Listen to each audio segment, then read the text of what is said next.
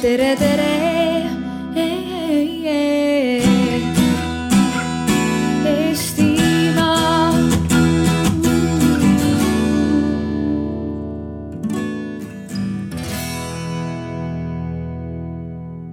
Tere ja jätkuna siis äh, eelmisele, eelmisele väga tormakale äh, õiguse ja õigluse näidisprotsessile saame siis äh, jätkata. Nendele, kes kohtuistungit ei kuulnud või ei näinud, tutvustan uuesti meie osalejaid. ja hakkame sealt pihta. Villu Kõve, riigikohtunik Kairi Kaldoja, riigi, vabandust, ringkonnaprokurör, juhtivprokurör siis Tartu ringkonnaprokuratuuris. Rutt Teever on meil Tartu maakohtu kohtunik. Sirje Nurm on meil Viru ringkonnaprokuratuuris prokurör ja Paul Keres on advokaat. ja mina olen Kai Järvand, mina hetkel töötan justiitsministeeriumis Ehm, ja teema on meil täna mm, kohtuotsus, õige või õiglane.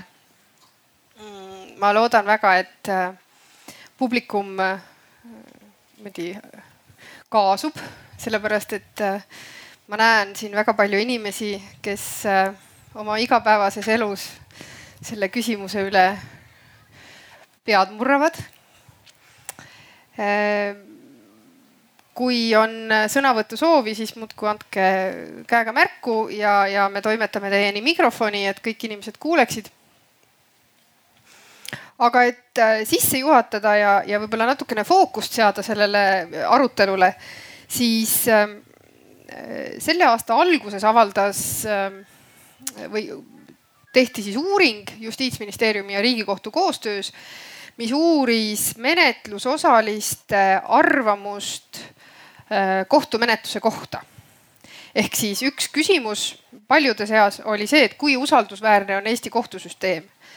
Ja, ja minu jaoks, kes, kelle jaoks siis Eesti kohtusüsteem on väga südamelähedane teema, äh, oli puhas rõõm lugeda neid numbreid äh, prokuröridest pidas Eesti kohtusüsteemi usaldusväärseks üheksakümmend seitse protsenti, advokaatidest kaheksakümmend kaheksa ja mitteprofessionaalsetest menetlusosalistest kaheksakümmend. see on tegelikult väga kõrge number, eriti kui me võrdleme siis äh, ennast teiste riikidega. kui me võrdleme võib-olla teiste äh, valitsusasutuste või siis ka riigi institutsioonidega äh,. sama kõrge usaldusprotsent on, on reeglina äh, kaitseväel ja, ja, ja päästeametil Äh, ja, ja kõik need muud institutsioonid jäävad reeglina palju, palju väiksema protsendi juurde.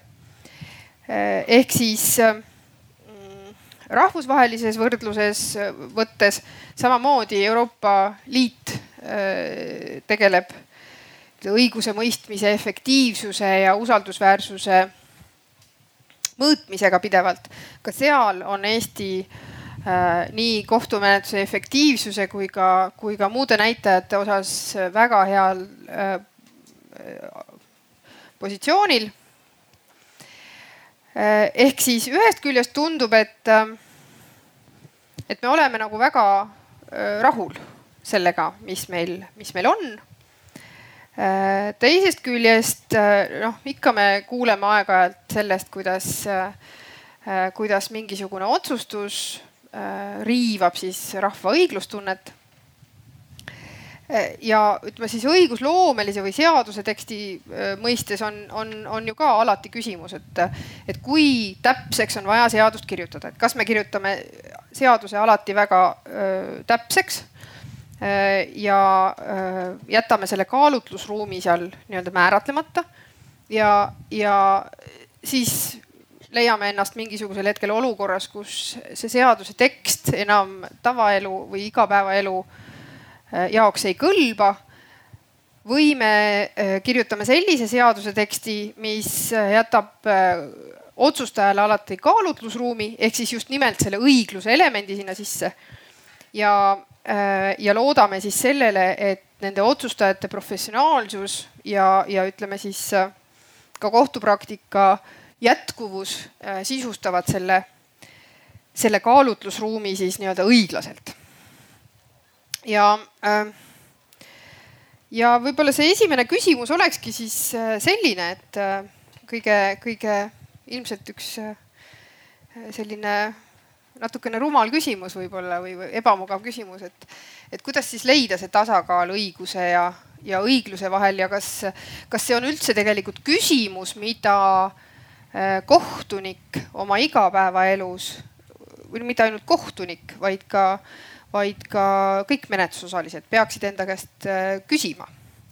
ja ma hakkaks Villu sinust pihta. sinul on päris pikaajaline karjäär erinevates äh, õiguselukutsetes olnud, nii et. mida sa ikka täpselt küsid nüüd, et, et, et?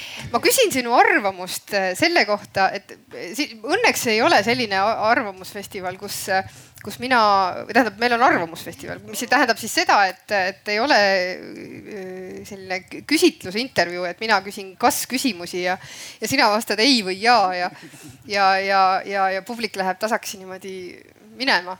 et ähm, see on see koht, kus äh, me kõik saame äh, avaldada oma arvamust selle kohta, mida õigus ja õiglus ja nende, nende koosmõju või koostoime meie jaoks tähendab? meil on Riigikohtus seal vitriinis on pensionile läinud Tõnu Antoni sõnad, mis ta andis Riigikohtule kaasa.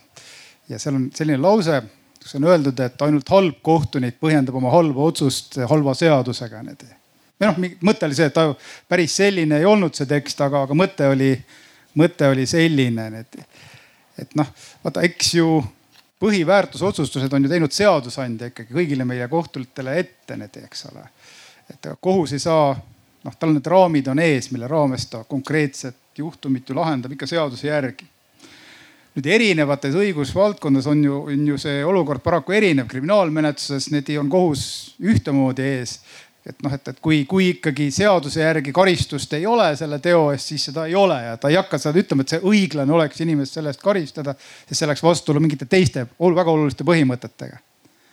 aga näiteks tsiviilvaidlus, kus inimesed omavahel vaidlevad mingisuguse konkreetse noh asja üle, lepingu üle, võla üle, lapse üle, siis seal on olukord ju, ju, ju, ju mõnevõrra teine ja meil on olemas ju jah, seadus, aga teisalt meil on olemas näiteks tsiviilkohtumenetluses ka alati klausel, niinimetatud heausu põhimõte, mis võimaldab üksikjuhtumil teha ka erisusi seadusest just nimelt õigluse järgi millest ei tohi muidugi lendu tõusta ja mõelda nüüd, et, et mind see seadus ei huvita, ma jätan selle kõrvale.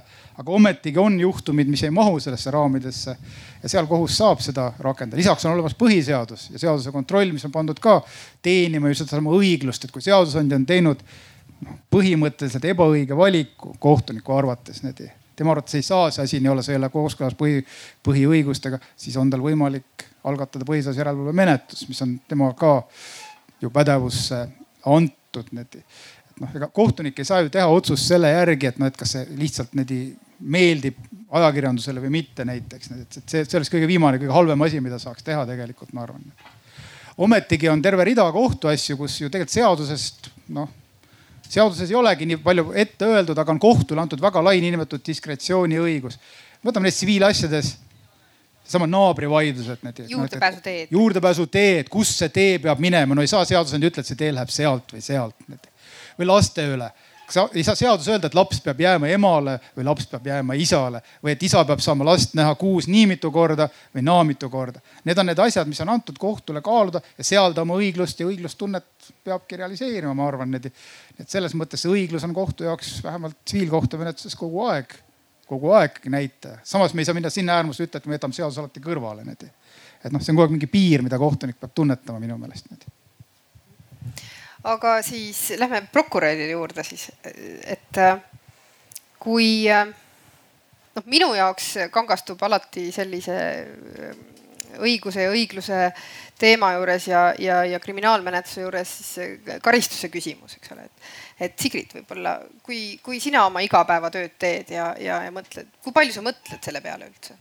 kas karistus on õiglane? mitte, mitte ainult karistus õiglane, aga üldse, et noh, selle õiguse ja õigluse tasakaalu peale, aga, aga eelkõige jah, ütleme karistuse küsimisel.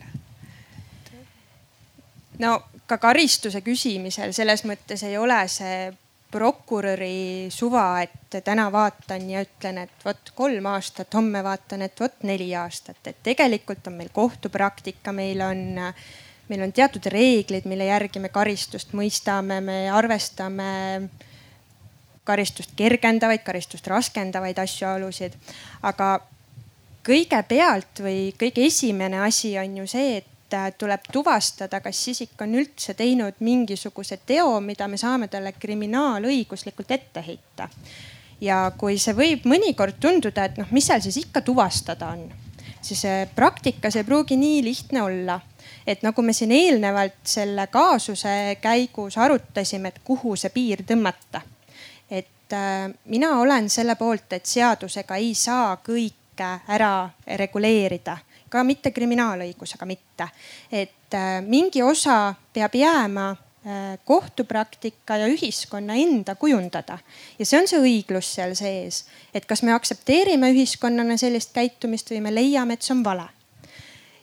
ja, ja selleni jõuda, äh, et kas konkreetses kaasuses on õiglane inimene kohtu alla anda või mitte ma arvan, et iga prokurör seda oma siseveendumusega kujundab ja ärge unustage ära, et ka prokuratuur on see asutus, kes tegelikult ka lõpetab kriminaalmenetlusi ja ütleb, et äh, siin ei ole koosseisu. ja siis on andnud riik õiguse kannatanule kaevata kõigepealt siis kas riigiprokuratuuri edasi ringkonnakohtusse, kes siis ütleb, et kas see on õige otsus ja õiglane otsus või mitte sest et see õigus ja õiglus, kui me räägime kriminaalmenetluse mõttest, siis tegelikult ei ole see ju ainult äh, prokuröri otsus, me peame arvestama, et me tegeleme inimestega. meil on üks pool, kes on mingi hetk kahtlustatav ja teine pool, kes on kannatanu ja nende vahel seda õigust ja õiglust leida on väga keeruline, sest et kannatanu mõttes loomulikult karistus on liiga väike. Äh, see raha, mis talt ära on võetud või see kahju, mis talle on tekitatud, seda ta tagasi ei saa nii kiiresti või ei saa üldse tagasi. ja teiselt poolt kuriteo sooritanud isik leiab, et karistus on alati liiga range. et äh, sealt vahelt nüüd leida see, see õiglus, et äh, praktikas on päris keeruline. ja, ja me peame arvestama ka seda, et me oleme praegu tegelikult sellises äh, kohas oma õiguspraktikaga, et meil ongi väga palju küsimusi, mis tulebki läbi arutada ja pannagi paika see, et mida siis ühiskond, mida kohtupidamine arvab, et mis siis on õiglane ja õige. ja, ja sealt läbi tulevadki need vaidlused, et kui mina prokurörina leian, et, et õige oleks, et see inimene saaks karistada, siis kindlasti minu kõrval olev advokaat ütleb, et teps mitte nii ei lähe ja et tuleb arvestada ka seda, et see ongi see kaalutlusruum või see, kuhu me selle piiri tõmbame. kui me nüüd karistuse poole liigume siis nagu ma ütlesin, et karistus on alati sihuke, mis kannatanul on liiga väike ja kahtlustataval alati liiga suur. et, äh, et kas see on õiglane või, või, või kuidas seda nagu mõista, et, et ega see ongi keeruline ja tegelikult need, äh, need kõik need kriminaalmenetluslikud kaasused, et, et me ei saa neid võtta üks-ühele, et seal on alati need elulised nüansid, mida me kaalume ja, ja sealt see karistus tuleb, et kui see mõnikord võib tunduda selline ühiskonnale, et äh, miks selline karistus, siis tegelikult on seal alati põhjused. Äh, kas ongi neid kergendavaid asjaolusid, äh, kas on mingisuguseid raskendavaid asjaolusid ja seda me tegelikult seal üldmenetluses ja kohtupidamisega ju üritamegi välja selgitada, mitte ainult seda fakti, mis juhtus, vaid ka seda, milline oli selle isiku tahtlus, kui ta selle teo sooritas ja, ja milline see õiglane karistus peaks olema. väga hea. Ähm, Paul, sina äh, kindlasti äh, tegeled selle õiguse ja õigluse küsimusega ka enne nii-öelda kohtusse jõudmist, eks ole, et kui, kui ähm, kohtunik äh, selle noh, reeglina siis sotsiaalse konflikti lahendamisel on, on sunnitud selle otsuse tegema, eks ole, ta peab seda kaaluma, siis siis noh, reeglina jõuavad need vaidlevad pooled või vähemalt mõni nendest advokaadi juurde. et kui palju, ütleme enne seda kohtusse pöördumist on advokaadil asja õiglusega? väga palju. ütleme advokaatidena, advokaatidena meil on selline, selline suur õnn, et me oleme seaduse järgi ja advokatuuri statuudi järgi me oleme täiesti noh, niisugused sõltumatud teenusepakkujad Äh, nagu iga tegelikult teinegi teenusepakkuja, keegi ei pea pakkuma teenust kellelegi, kellele ta seda pakkuda ei taha. aga, aga me oleme oma otsustusvabaduses äh, äh, eriti vabad ja samas eriti seotud äh, sellise asjaga nagu advokaadi eetika. Advokaadi eetika omakorda taandub äh, väärikusele, advokaadi eetika, äh, advokaadi eetika üheks suureks või noh, üheks väga võimsaks koostisosaks on ka on ka selline kõikidele võrdsete võimaluste tagamine, noh võrdsete võimaluste mitte selles mõttes, et igaüks peab, igaüks omab põhiõigust just teatud kindla advokaadi juurde minna, vaid, vaid selles mõttes, et et ähm, advokaatidele on antud teatud äh, ulatuslikud äh, tagatised, mis on mõeldud selleks, et juhul kui nüüd ütleme, no tavaliselt see tulebki kriminaalmenetlustes just välja, et kui keegi, kui keegi satub äh, riigi hammasrataste vahele ja, ja noh, kriminaalmenetluse hammasrataste vahele ja vajab seal, vajab seal abi, siis talle on antud tagat-, advokaadile on antud tagatised, millega selle, selle suure võimsa riigiaparaadi vastu astuda. aga minul on minul on endal selles mõttes õnneks läinud, et ma ei ole pidanud mitte kunagi kohtusse minema mitte ühegi asjaga, mis äh, mulle endale tundub vastuvõetamatu. ja, ja ma, ja ma ei taha ka minna, aga teisest küljest äh, õiguse ja õigluse üle, üle vaidlemine, et kuidas ta seal kohtuotsuses peaks sisalduma või, või väljenduma, siis äh, mina tõtt-öelda ei ole oma praktikas sellist äh, fundamentaalset vastuolu nende vahel näinud. Äh, ma ütleks niimoodi, et menetlus peab olema õiglane. ja õiglane menetlus eelkõige tähendab seda, et mõlemale poolele on antud võrdsed võimalused ja võrdsed relvad. aga seadus iseenesest peab olema õiglane tähendab seadus, see selline seadus, mis ei ole õiglane, selline seadus, mille kohaldamisel äh, igal üksikul juhtumil äh,, mille, mille kohaldamine igal üksikul juhtumil viib ebaõiglase tulemuseni, sellist seadust ei tohi olla, see tuleb kehtetuks tunnistada kohe, selle asemel tuleb uus seadus võtta. väga hea. ehk siis äh,. uus mul... seadus vastu võtta. jah, ehk siis Riigikogule tööd juurde. Rutt, kui palju sind toetab see seaduse tekst? Oma igapäevatöös eh, nende õiglaste lahendite tegemisel? Toetab, ma ei oskagi niimoodi vastata, ta annab raamid ja, ja ma olen ka seda meelt, et, et seaduse raamides on võimalik teha nii õige kui ka õiglane kohtulahend ja, ja võib-olla karistusõiguses see see õigluse küsimus tõepoolest äh, kaldub rohkem karistuse mõistmisele. ja sealgi meil on ju oma reeglistik ees, me ei saa päris laest võtta ühte või teist äh, numbrit, öelda, et vot kaks aastat. me peame selle ära põhjendama, see tuleneb ka teatud kindlatest äh, asjaoludest, esmalt nii-öelda süü raskusest mis iseenesest, kui otsust kirjutada, ei ole nii väga lihtne kirjutada kui raske see süü siis on, mille sa aluseks võtad kõigepealt. aga iseenesest see on, see ongi see, sa kaalud seda teinekord päevi. sa jõuad mingile tulemusele, hakkad mõtlema ümber, et, et, et aga see ikka ei tundu õiglane olevat. et eh, selles mõttes seaduse raamistik on ees. Eh, sul on kindlad reeglid, sul on oma siseveendumus ja sa kohtuistungil ju vähemalt enamikel juhtudel ikkagi vaatad sellele inimesele ka otsa ja tunnetad, kui sul vähegi endal on oskust äh, seda inimest lugeda. Äh, ja sa üritadki tema jaoks selle õiglase lahendi saada. ja kui ta ta ei pruugi sinuga alati nõus olla, aga tegelikult sa ikkagi paljudel juhtudel saad selle tagasiside, et ta on mõistnud, et sa oled püüdnud teda õiglaselt kohelda rääkimata sellest, et sa pead teda menetluslikult õiglaselt kohtlema.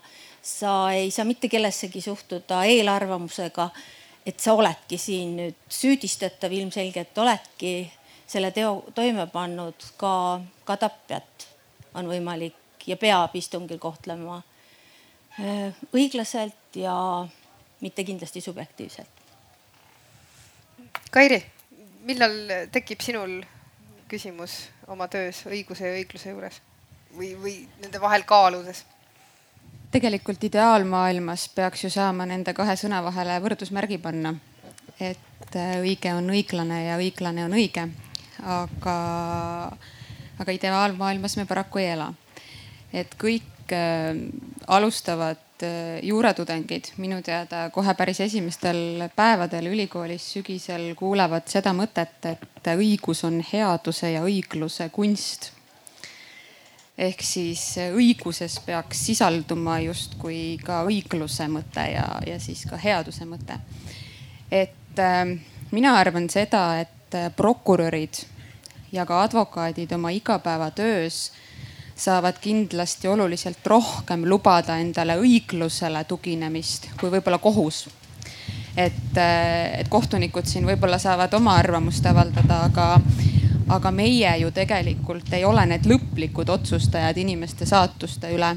et, et kui prokuröril on siseveendumus ja, ja mõnigi tõend, mis, mis näitab, et, et see inimene on kuriteo toime pannud ja meile näib õiglane see, et ta peab saama kriminaalkorras karistatud ja vastutusele võetud, siis me saadame selle asja kohtu ette otsustamiseks.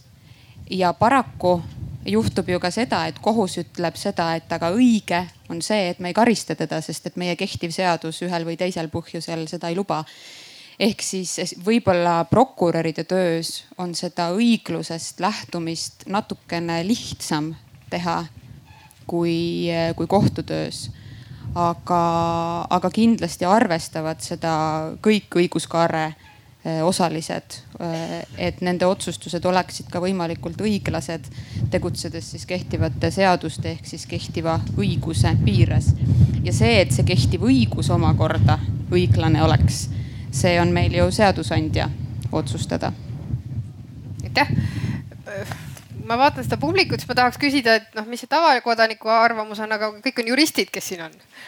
et ähm, äh, et äh, võib-olla siis äh, need, äh, need juristid, kes, kes siin istuvad, suudavad ka ennast panna selle tavakodaniku kingadesse ja, ja, ja, ja saab arvata, mis on, mis on, mis on õigus ja, ja õiglus ja selle vahekord.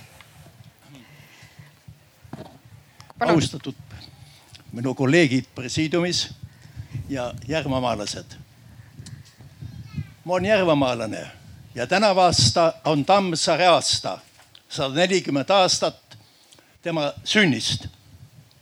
Ma küsiks teilt, miks Tammsaare pani oma teostele, kogu teostele pealkirjaks Tõde ja õigus? see on, see ei ole kogemata sinna pandud. ja väga paljud arvavad, et see on sünonüümid ja selleks ta pani selle lepingu. ma arvan teisiti ja kahtlen nendest, kes arvavad, tõde ja õigus on sünonüümid. ta oli lugenud kindlasti Sõda ja rahu, Kuritöö ja karistus ja pani oma tööle ka Tõde ja õigus, sest Tõde ja õigus Vargamäel ei langenud kokku. sellest sada oligi, ütleme, ta peaks kokku langema nii ka seal kui ka täna kuid kohtus sai ju, Pääru sai õiguse. aga tõde oli Andrese poolel. kraav oli ju kaevatud kahasse, aga ta oli Pääru maa peal, siis Pääru võis teha, mis tahab. Nii et meie ülesanne on ja eesmärk, et tõde ja õigus läheneksid temale, maksimaalselt läheneksid, et ei oleks Vargamäe küsimused, ütleme, vaid oleks, kui me näeme tõde siis näeme, et seal kõrval on ka õigus. teine küsimus, kõik te kasutate ja olete kuulnud sellist juba rahvakäändu, see on Saalomonlik otsus. Aga ma küsin, kust see pärineb ja kui te lubate, ma minut aega räägin, kust see termin tuleneb üldse. see on piiblist võetud.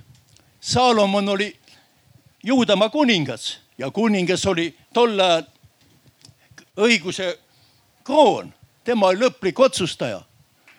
ja Saalomoni juurde tulid kaks ema ja vaidlesid lapse päritolu pärast.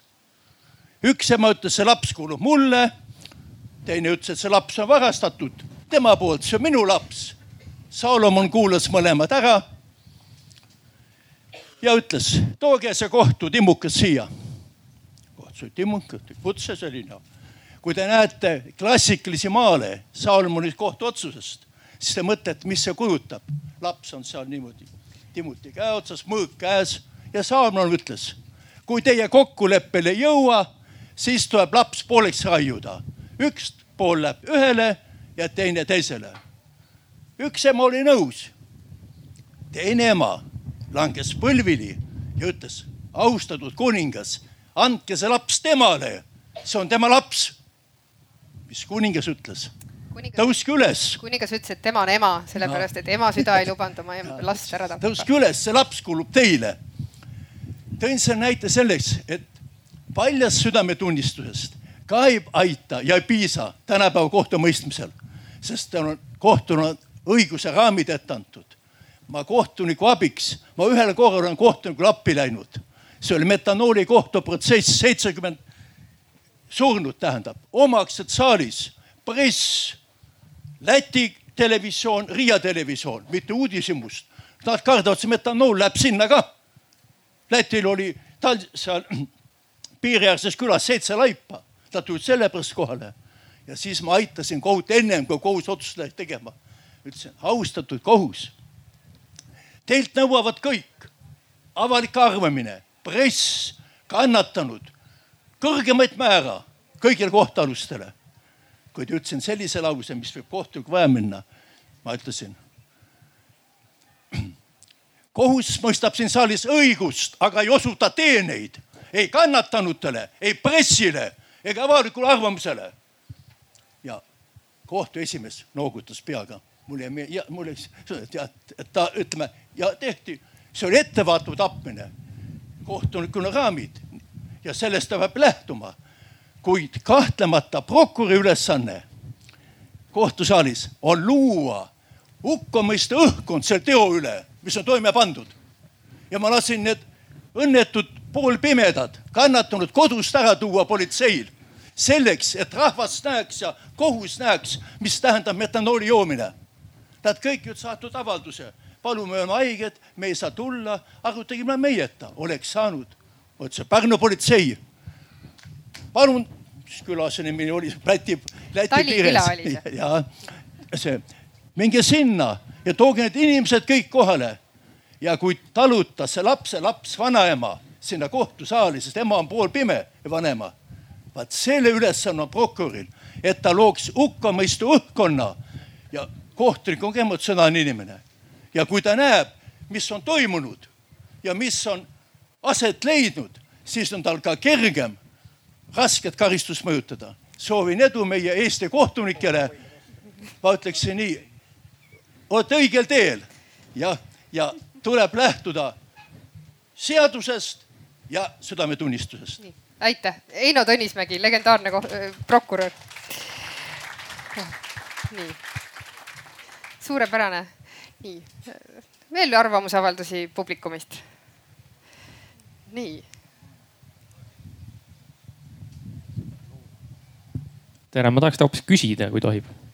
ja palun et siin ennist oli juttu nendest äh, kergendavatest ja raskendavatest asjaoludest, et need võetakse nagu arvesse, et siis ikkagi, et jõuda selleni, et tulemuseni, et, et oleks nagu õiglane. Ja ma tahtsin küsida seda, eks, et mis on siis nüüd paneeli või ka siis publiku seisukoht Äh, selles osas, et millal ja kas võiks olla alkoholi tarbimine kergendav asjaolu.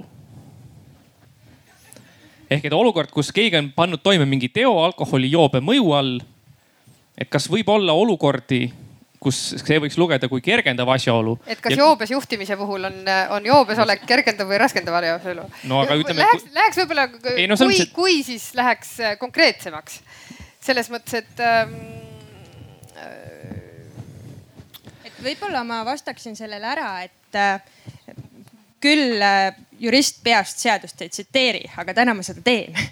et äh, karistusseadustik ütleb, et joove ja, ei ma... ole ei kergendav ega raskendav asjaolu ja seda ei arvestata. Selles mõttes, et kui sa oled joobes ja paned raske teo toime ja sa tuled hiljem ütled, et ma olen joobes ja see on kergendav asjaolu, siis seadus ütleb, et seda ei arvestata. Aga kas nii peaks olema, kas, kas, kas selline seadus nagu see, see, see nagu seadus täna on, et kas see on hea ja õiglane, et see seadus on niimoodi?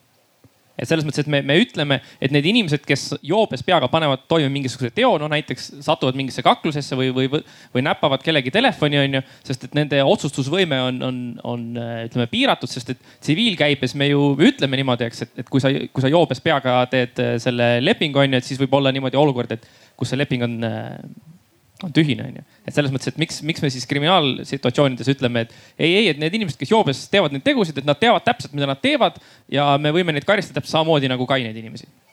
see inimene, kes, see inimene, kes äh, joobes peaga kaklema läheb, ei tohi juua lihtsalt.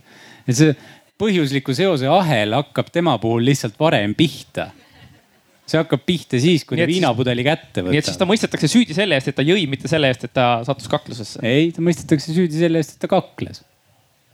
aga kas ma, kas ma tohin ühte asja öelda, härra Heino Tõnismäe?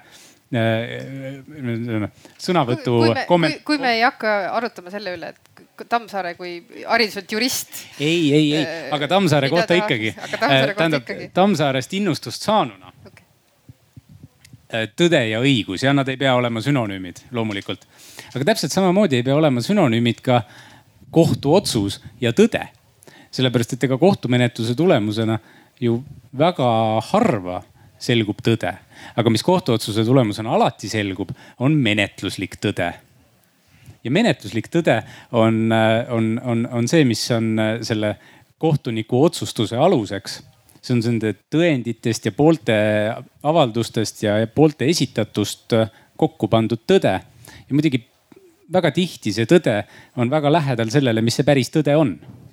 aga tõde ja kohtuotsus ka ei ole samastatav, vaad, samastatavad noh, iseasi, kas kohtuasi ongi just nimelt see tõde välja, välja selgitada, et kui me, kui me räägime ju kohtumenetlusest, eelkõige kui me räägime, ütleme tsiviil- või haldusmenetlusest, siis, siis see on ju, see on sotsiaalne konflikt, mida kohus lahendab. ehk siis võib-olla minu järgmine küsimus ongi siis ka teistele, teistele panelistidele, et, et kui me just sellest menetluse õiglusest räägime, sellest, kui palju peaks kohus aitama kaasa selleks, et et, et see õige kohtuotsus või see tõeline tõde äh, välja tuleb sellest vaidlusest. kui, kui menetlusosalised, kes sinna kohtu poole pöörduvad, kes küsivad seda kohtuabi või ütleme seda riigi õigusemõistmise äh, õigusmõistmise monopoli siis nii-öelda enda, enda kasuks tööle panevad. et kui nemad ütlevad, et äh, meie konflikt on nii suur kas kohus saab selle suuremaks teha? Villu, sinust pihta. meil on tegelikult ju Eestis siin aastate vältel noh, seda kogu seda vähemalt tsiviilkohtumenetluse menetluse paradigmat ju nihutatud siia ja sinna meie alguspunkt ju, ju, ju Vene ajast siit, kes mäletavad, oli, oli see, et, et, et noh, kohus pidi tõe välja selgitama. see oligi uurimispõhimõte täiel määral niimoodi inkvisitsiooniline, mis kõlab väga hirmsalt niimoodi, aga tegelikult ei tähenda midagi hirmsat niimoodi. vähemalt kohtumenetluse jaoks niimoodi. et kohus pidi ise selgitama tõde, mis kõik, mis need pooled seal siis, siis äh, rääkisid niimoodi no mingil ajal siis leiti, et, et ei, et see ei ole ikka väga ratsionaalne, et las pooled ise vaidlevad. ja üheksakümnendate alguses toodi Eestis maale siis selline nii-öelda võistlev menetlus, tsiviilkohtumenetlus, mille siis loogika oli selline, et pooled vaidlevad, kohus on passiivne ja kogu see noh, menetluse raskus langeb siis tõe väljaselgitamisel pooltele esindajatele, advokaatidele, professionaalsetele esindajatele selline, selline lähenemine tuli. ja pärast seda üheksakümne kolmandat aastat on kõik liikunud uuesti tagasi need tasapisi aastate vältel need. aga miks siis ikkagi need? et miks siis meil ei ole toiminud see, et, et noh, sellel on ilmselt palju põhjuseid. noh, millest üks, mina arvan, neid tänaseni on, on see, miks kohus nii palju on pidanud asjadesse ikkagi sekkuma, on see, et, et ikkagi see päris ehtne professionaalne õigusabi ei ole ikkagi inimestele kättesaadav need. ja, ja, ja väga paljud tahavad ise kohut käia. Eesti inimeses on, ma ütlen, olete öelnud, et noh, kui tudengitele, et, et, et Eesti inimene arvab, et igas temas on peidus nii arst, advokaat kui arhitekt, need. et ta suudab kõike ise teha, need. ja siis, kui ta kuskil nässu endaga jookseb, need, siis on kõik teised süüdi selles, need, eks ole. riik on süüdi, politsei on süüdi, tarbijakaitseamet on süüdi, aga mitte mingil juhul ma ise need. ja, ja ma ei suuda kohtus oma asja ajada ja, ja ühelt poolt on see, et kohus näeb seda niimoodi, et tal tekib see noh, inimlik kaastunne võib-olla selle teie poole suhtes, kes ei saa hakkama need. see on nagu üks pool seal need, et, et see, et see otsus hakkaks kraapima tema õiglustunnet, kui ta teeks selle tõesti niimoodi, kui see inimene ise oma asja nässu keerab seal ega ju, miks siis on niimoodi, et ikkagi paljudes riikides, ka näiteks teises kohtuastmes on advokaadi esindus kohustuslik tegelikult. meil on väga erandlik see, et, et, et võid ise käia kõiki asju kohtus ajamas et, et see on nagu üks moment selle juures olnud, et noh, sa lihtsalt ei suuda, sa ei oska, et see, see, see, see asi, kus sa satud, on nii keeruline, et sa ei saa sellega hakkama. ja samamoodi on ju ka arstiga ju ikkagi, et noh, et me ikkagi usaldame ju arsti üldiselt, et me ei lähegi posija juurde ega, või hakka iseennast lõikama kuskilt, aga, aga, aga kohtuasja tahame ise ajada. et see on nagu üks, üks moment olnud siin ilmselt, mis on lollus ja vaesus. kaks asja mis on riigis jätkuvalt ikkagi suurel olemas.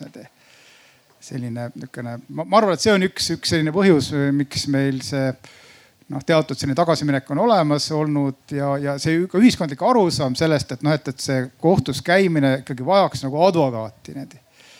see arusaam, mis siis Ameerika õigustöö, mis on väga selgelt olemas, noh et, et ei käi igaüks oma asju ise ajamas seal et noh, ma võtan ikkagi advokaat või, Euroopas ka laialt on, eks ole, õigusabikulude kindlustus, inimestel on kindlustus selleks, et kui nendega midagi juhtub, et siis nad teavad, et noh, et nad saavad advokaat. Eestis see ka levib, aga väga visalt, eks ole, inimesed ei ole harjunud, et nad võtaksid endale kindlustuse. et, et, et noh, neil oleks nagu advokaat võtta käepärast, nad mõtlevad, ei, et mul ei ole seda vaja no ma ütlen ka tudengitele, et noh, et elu jooksul te satute nagunii kohtusse, enamus teist satub ükskõik mis viisil need. Te võite mitte tahta sinna kohtusse sattuda, aga satute, satute abielu lahutama, vara jagama, laste üle vaidlema aga võite ka sattuda nii, et te mitte midagi halba ei tee ise, võite oma korteriühistuga üle vaidluses sattuda niimoodi täiesti kõrvalt. või juurdepääsu tee. või juurdepääsu tee peale need. nagunii satute need kunagi, eks, või pärandi üle vaidlema need, eks ole. et, et noh, selles mõttes see see inimestele endale lootmine, noh, et, et see, see, see nagu ei ole toiminud. Eesti inimesel, ta tahaks küll ise asju ajada, aga vot siis sealt tulebki see, et, et et, et kohus peaks üritama tasakaalustama kuidagi neid, neid pooli, ega see ongi väga riskantne ja niisugune noh, kahe otsaga tee muidugi. kriminaalmenetlus on läinud täitsa teist teed pidi siin, eks ole. aga seal on ka oluline erisus üldmenetluses, seal on professionaalsed esindajad nende mõlemal pool need. Aga tsiviilis mina ei tea, kas meil on Eestis tehtud statistikat, aga mulle tundub vähemasti, et, et maakohtus siiski rõhuv enamus asju jätkuvalt lahendatakse ilma mõlemapoolse professionaalse esinduseta, kui arvutada kõiki asju. et seal on üks asi, mis aga ja. ma ütleks siia ühe mõtte vahele. Villu ütles, et tõepoolest karistusõiguses on võistlev, pooled peavad võistlema, nii-öelda ristama oma mõõgad, nagu seda kujundlikult on öeldud kohtuistungil see põhimõte on väga hea ja kohtunik tegelikult saab, saab sekkuda ka tõendite kogumisse mingil moel. tõesti viimasel hetkel, kui ta näeb, et asi on väga viltu kiskunud ja midagi väga olulist on vaja siiski välja selgitada, aga, aga nii kahju, kui see ka ei ole, siis eh, ka selle võistlevuse kvaliteet sõltub ju pooltest ja sõltub nii sellest, kui tark ja kohusetundlik on prokurör ja samuti ka kaitsja. ja paraku igal elualal on meil, on väga tublisid ja tugevaid juriste nii prokuröride kui ka kaitsjate poolel ja ka kohtunike hulgas. aga paraku on ka neid, kes ei ole nii väga tublid. ja kui sa siis näed, et miski asi hakkab viltu kiskuma selle tõttu, et üks pool ei ole päris nii professionaalne, kui ta võiks ja peaks, siis on teinekord äh, võib-olla vahest saad aidata nii-öelda asjal veel ree peale, aga mitte alati. et ma näen seda probleemi meie õigusemõistmises. Kairi, tahad sa siia juurde midagi lisada? jah, ma olen äh, enamjaolt Rutiga täiesti nõus, et see võistlevuse printsiip kriminaalmenetluses on tegelikult äh, on teoorias hästi tore ja hästi õige. et kui võistlevad professionaalsed juristid, siis kohus peakski saama passiivselt istuda, kuulata ja hiljem nende väidete üle siis otsustust teha aga kui, aga kohtu ülesanne muuhulgas on tegelikult tagada ka, tagada ka kaitseõigus tegelikult seal protsessis. Eh, mistõttu eh, võib tekkida olukord, kus, eh, kus üks või teine pool, ütleme siis kaitseõiguse tagamise aspektist näiteks kaitsja pool ise ei too mingisuguseid olulisi asju välja, ise ei saa oma kaitsealuse kaitsmisega piisavalt hakkama ja siis tuleb siin see õiglus mängu kus siis kohus ühel või teisel viisil võiks sekkuda, et loomulikult meil on olemas seadused, seaduses kõiksugu taandamise alused, kaitsjate ja prokuröride väljavahetamise alused ja nii edasi. aga päris lõpuni võistlev ja selline, et kohus üldse midagi tegema ei peaks, selline ei saa kindlasti üks õiglane kriminaalprotsess olla. ja, ja ehkki see põhieesmärk ei ole jah, meil tõe tuvastamine siis õiglane kohtuotsus äh, võiks ikkagi eesmärgiks olla. Äh, mistõttu ka võistlevas protsessis kohus omaalgatuslikult äh, peab vahepeal sekkuma. Sigrid, tahad sa siia juurde veel midagi öelda? ma olen selles mõttes Kairiga nõus, et tegelikult on kohtu roll seal kriminaalmenetluse võistlevuse juures ka see, et tagada seda poolte võrdsust. Kui kohus näeb, et äh, üks pool jääb ja jumal hoidku, kui see peaks olema süüdistatav, sest et äh, arvestame, et ühel pool on riik ja teisel pool on eraisik. Ja kui see eraisik peaks jääma oma kaitse tõttu natuke halvemasse positsiooni, siis see on see koht, kus kohus peaks sekkuma, et äh, tagada see, et meil mingite protsessi normide tõttu äh, väga lihtsalt nagu Kairi siin teile ka näitas, äh, lihtsalt prokurör võtab kõik kaitseküsimused maha ja kaitse ei saagi küsida ja seejärel jookseb ta nii kinni, et sealt ei tulegi midagi. või teistpidi, et kui prokurör ei suuda oma tõendeid esitada ja ta on täiesti ebaprofessionaalne, siis ka sellisel juhul ma leian, et see on kohtu koht sekkuda. et see on see õiglus, mida kohus peab siin, siin äh, esindama selles protsessis ja ma ei, ma ei tea, see on võib-olla küsimus kohtunikule, et, mina ei tea oma praktikast, et oleks äh, kedagi niimoodi taandatud, aga aga küll ma leian, et kriminaalmenetluses see, see võimalus on ja seda peaks kasutama, kui see, kui see peaks tekkima, see olukord. Mõlema poole puhul, nii prokuröri kui ka kaitsja puhul. On, neid juhuseid on, kus keset menetlust on äh, taandatud. ma pean ausalt ütlema, et ma ei tea äh, prokuröri taandamist nii-öelda kohtu poolelt, aga, aga kaitsjat on taandatud sel põhjusel, et keset menetlust ilmnes et ta tegelikult nõustab äh, mitte ainult oma kaitsealust, vaid ka teist, kellega huvid on konfliktis ja sealt tuli välja veel omapäraseid asju. ja aga, aga ma arvan, et need on haru, harvad juhtumid. E, võib-olla peaks kohus e, teinekord e, rohkem sekkuma, ma julgen, julgen seda öelda et võib-olla me ka aeg-ajalt mängime nii-öelda piiri peal, vaatame, et kui, kui siiski ikka enam-vähem on asi seadustikku ja nõuad, normide piires, siis me ei tee seda. aga, aga see ei ole ainult kivi äh, advokaatide kapsaaeda, see väike kivi Äk, tuleks visata. advokaat saab kohe niimoodi et ma, et ma ütlen ausalt, see, ma ei taha sugugi kritiseerida ainult advokaate, vaid seda kivi võib ka prokuröride kapsaaeda visata Paul. Äh, kas ma, kas ma võin äh, vastata natuke põhimõttelisemalt?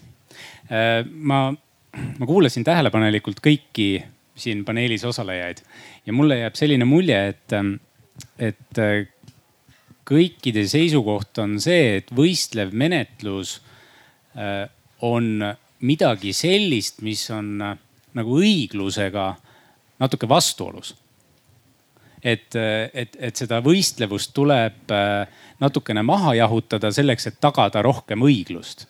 Aga see on, see on minu meelest, minu meelest täitsa vale, tegelikult võistlev menetlus iseenesest on välja kasvanud just nimelt õigluse põhimõttest, see on äh, pärit Inglismaalt, see on anglo-ameerika, noh sellest common law süsteemist. ta kasvas välja õiglusest, nii on õiglasem, nii tulevad õiglasemad lahendid. Äh, ja, ja see, see, selle võistleva, võistleva menetluse eesmärk ei ole mitte nagu kohut passiivseks muuta ja, ja, ja, ja anda võit sellele, kes kõige paremini äh, noh etleb. vaid äh, aastasadadega tegelikult on lihtsalt kindlaks tehtud, et niimoodi sünnib see menetluslik tõde sünnib menetluslik tõde, mis on kõige paremini vastavuses sellega, mis see tegelik tõde on ja, ja, ja, ja õige lahend. aitäh ja kui läheb vaidluseks, siis on ja, ju ainult ja. Äh, kuulajatel rõõm. mulle meenus, et minul kunagi õpetati, et Marx olevat öelnud, et kommunism on võimalik ainult rikkas riigis. aga kui seda üritada kehtestada niisuguses riigis, nagu siin oli, et noh, siis ta lõpeb mingi fiaskoga ikkagi. ja võistleva menetlusega on täpselt samamoodi kahjuks. mina teoorias jagan seda seisukohta, et, et, et noh, kui on meil kaks väga tugevat esindust poolel niimoodi, siis jumala pärast niimoodi me jätamegi nende kätte selle asja ja nad suudavad kõik välja tuua. ja me saamegi sealt selle kõige noh, maksimaalse välja pigistada, mis võimalik on ja kohus saab siis valida nii-öelda siis endale sobiva olukorra või noh seisukoha või lahenduses. no aga see ei ole niimoodi ju praktikas. see ongi see kõige hirmsam asi, vähemalt tsiviilkohtumenetluses. et noh, et, et noh, isegi kui meil on kaks advokaati, siis kohus, esimene mure, mis on tsiviilkohtunikul, et ma saaks aru, mida üldse tahetakse kohtult. ja meil ka riigikohtu, ütleme, ma ei tea, kui palju meil Eestis tehakse määruseid hagimenetluse võtmisel, eh, mille põhiküsimus on see, et palun esindaja või hageja, ütle, mida sa tahad, me ei saa aru, mida sa tahad, need kurat need. ma ei julge öelda, et pooled need aga, aga tohutus koguses ja seal ei ole isegi vahet, kas on advokaat või ei ole advokaat. nõuded on selliseks kirjutatud, et me ei saa aru, mida tahetakse. ja kui me seal ütleme, et need kohus ei peaks sekkuma, et me laseme mingisuguse selle menetluse liikvele, millest me ei saa isegi aru, mida me tahame, siis see ei ole õige noh sealt tekib see asi nüüd, et, et noh, et, et see tänane see ütleme no ütleme, vägagi keerulised asjad eeldavad väga kõrget kvalifikatsiooni. meil ei ole Eestis nii kõrget kvalifikatsiooni. see on see häda niimoodi, ma arvan niimoodi. ja, ja, ja see ei ole mitte sellepärast, et Eestis on kuidagi rumalamad, aga meil on väike riik ja siin asjad, noh, paljud asjad tulevad alles uued, need noh, me õpime. oleks need välja kujunenud siin sada aastat, samad asjad on olnud, siis ei oleks neid probleeme sellisel kujul. aga, aga, aga vot nüüd, nüüd need, nüüd ta, nüüd ta on, eks ole. ja, ja, ja no mis on tavaline, mis siis see probleem on? põhiline üks on see, et me ei saa aru, mida tahetakse kui me sellest lõpuks saame aru, siis teine moment on jah tõesti see, et kas magatakse maha mingid menetluslikud tähtajad kuskil seal, eks ole. tsiviilkohtumees ka, et mina pigem ütlen, noh, et neid tuleks ikkagi järgida või noh, et kas, kas pooled saavad aru, et mis õiguse järgi asi lahendatakse, seal hakkab see vaidlus, et kas kohus peab selgitama, mida ta peab selgitama seal, eks ole. Et, et noh, et kuidas saada õigusest aru, kas see on eh, kohtu ülesanne või on see poolte ülesanne minul tegi üks, üks inimene tegi mõni aasta tagasi tegi magistritöö ja võrdles seda meie kohtu, vähemalt tsiviilkohtumenetluse keskset põhimõtet, jura novit curia ehk siis kohus mõistab õigust, just nimelt kohus otsustab, millist õigust kohaldada ja, ja, ja võrdled seda, eks ole, aga sama ei ole näiteks Anglo-Ameerika õigus, ei ole niimoodi, eks ole. seal ikkagi põhimõtteliselt ka õigus mängib see, et kes parema õiguse ette toob, see võidab, see nagu põhimõttelist laadi nagu erisus läheb nüüd. aga meie õigussüsteemi aluseks on olnud see, et me kohaldame seda õigust, nagu Eesti seadusandja on meile öelnud ja seda otsustab ainult kohus nüüd ja sealt tuleb see dilemma ka vahele, et kohus ei suuda seda õigust kohaldada, kui ta ei saa aru asjaoludest ja, ja mina mäletan, minu see, see poiss tõi välja ühes magistris, mis minul jäi väga huvitav asi Ameerika ülemkohtu praktikast olevat olnud selline juhtum, kus hästi keeruline kohtuasi, kus olid kõik nagu, see oli ülemkohtus, kus väga palju advokaate oli ka kohal. Ehm, ja, ja, ja, ja väga keeruline küsimus oli. ja, ja kõik kaevasid nendest seaduseraamatutest seal ja lõpuks tehti siis otsus. ja hiljem selgus, et, et, et kõik see advokaatide armee oli jätnud ühe olulise õiguspunkti ikkagi tähelepanuta, leidmata kuskil, mis oli olnud tegelikult olemas ja siis oligi arutelu all, et kas kohus, kes oleks võinud seda ise kohaldada, et, et noh, et, et, et kas ta oleks võinud seda ilma selleta kohaldada, et mõni advokaat sellele tähelepanu juhtis niimoodi. leiti, et ei, et süsteemi väärtus on nii suur, et see, see viga võis seal sees olla, aga see võistlev protsess on sellest üle, eks ole noh, ja see on nagu üks väärtuse hinnanguline koht, ma arvan, noh, millest me ei ole rääkinud nii väga, kust need nagu valikud paljuski ka jooksevad, need, eks ole siin, et, et noh, et, et kas me tahame noh kui, kui, kui suur otsustusõigus on kohtul õiguse jaoks. vot see on see, mida tahtsin öelda. ja palun. jah, üht, ühte asja tahan vaielda ainult ma olen põhi, ma olen põhijoontes äh, nõus, et äh, võistlevus nõuab äh, kõrget kvalifikatsiooni ja kui kõrget kvalifikatsiooni ei ole, siis kohtu roll on suurem, aga ma arvan, et noh, kohtu roll peaks olema seal lihtsalt see selgitav roll, lihtsalt siis kaasa aidata selgitamisega, menetlusosaline. siin esitati selline väide, siin selline tõend. kui sina nüüd mingit tõendit ei esita selle kohta, mis näitaks vastupidist, siis sellisel juhul ma pean võtma aluseks tema poolt väidetud fakti ja selle alusel tegema otsuse ja sellisel juhul ma sulle ütlen, see otsus on see aga, aga üks konkreetne juhtum tsiviil, tsiviilprotsessis, kus äh, võistlevuse puudumine toob ilmselgelt väga tihti kaasa väga ebaõiglased tagajärjed. ja see on äh, tunnistajate küsitlemise kord. Meil on kogu tsiviilkohtumenetlus hagimenetluses või tsiviilprotsess on äh, võistlev. aga mis meil on täiesti inkvisitsiooniline, on tunnistajate küsitlemine ja, ja, ja, ja tunni ja võistlev menetlus tunnistajate küsitlemisel, see tähendab siis ristküsitluse vorm, see on mõeldud just nimelt selleks, et igaüks ei saaks oma suva järgi tule, tulla sinna mingit oma jama ajama. ja, ja, ja siis kohus peab selle jama äh, tõendina kohtuotsuse aluseks võtma ristküsitlus, ristküsitlus on äh, selline, ta, ta, ta on, ta on elementaarne osa äh, võistlevast menetlusest, mis kriminaalmenetluses on olemas ja väga hea, et ta seal on olemas aga mis täielikult puudub tsiviilkohtumenetlusest ja ma ei saa aru, miks see nii on. see on nagu justkui, justkui nagu lihtsalt nagu justkui kahe silma vahele jäetud asi no,. väga hea jah, meil on, meil on tsiviilkohtumenetluse guru on laua peal, kohe seletab. Sa oled sellest artikli ka kirjutanud, eks ole? oled juriidik ja ma olen ka seda lugenud nüüd. ja ma, jah, ma natuke pusserdasin seal.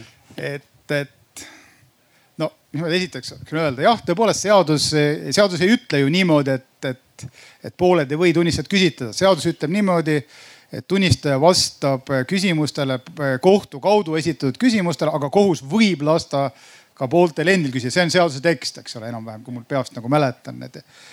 nüüd kui vaadata neid asju, mis vähemalt minu käest laualt on läbi käinud väga pika aja jooksul, siis mulle tundub, et kohus enamasti lubab pooltel küsitleda tunnistajaid äh, nii, nagu nad on tahtnud. ja mina oma viieteistaastase riigikohtuniku äh, praktikas ei mäleta mitte ühtegi kaebust selle peale, et pool oleks öelnud, aga mul ei lubatud tunnistajale mingisugust küsimust esitada nii et, et, et noh, su küsimus on pigem on sihuke teoreetilisem, et noh, et filosoofiline, et noh, et mitte, et selle taga oleks nüüd nii väga pra praktiline probleem nüüd, et, et noh, et, et jäi midagi küsitlemata seal tunnistaja poolt. jah, seaduse selline algne loogika on tõesti selline, et, et tunnistaja on nagu kohtutõendi allikas ja kohus toob sealt endale seda mõõdet. sama asi on ka eksperdiga. see ei ole ainult tunnistaja, vaid ka, ka eksperdi arvamus on toodud samale loogika peale, et noh, et tegelikult kohus ikkagi, et noh, kohus tema määrab ja kohus ka seda küsitleb. see paradigmaatiline muutus on toimunud ja eksperdi arvamused on liikunud meil täna väga paljuski kohtu määratud eksperdi arvamuse asemel on poolte esit, esitatud need asjatundjate arvamused on asendanud seda noh, kinnisvara väärtuste hindamisel, noh, ma ei tea, lepingulistes vaidlustes, ehitusvaidlustes on kõik need nagu, see muutus on nagu toimunud seal, eks ole.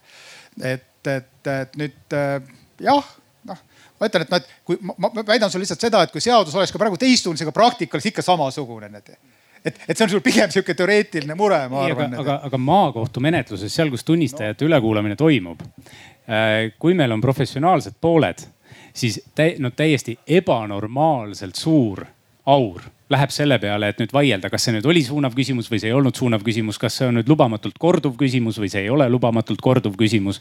aga, aga kui need küsimused on vajalikud selleks, et et noh, võimalik, et valetav tunnistaja noh, nagu ära pigistada, et see tõde talt välja pigistada, siis see on vajalik. aga mis see probleem on? probleem on see, et seadus ju imperatiivselt keelab seda.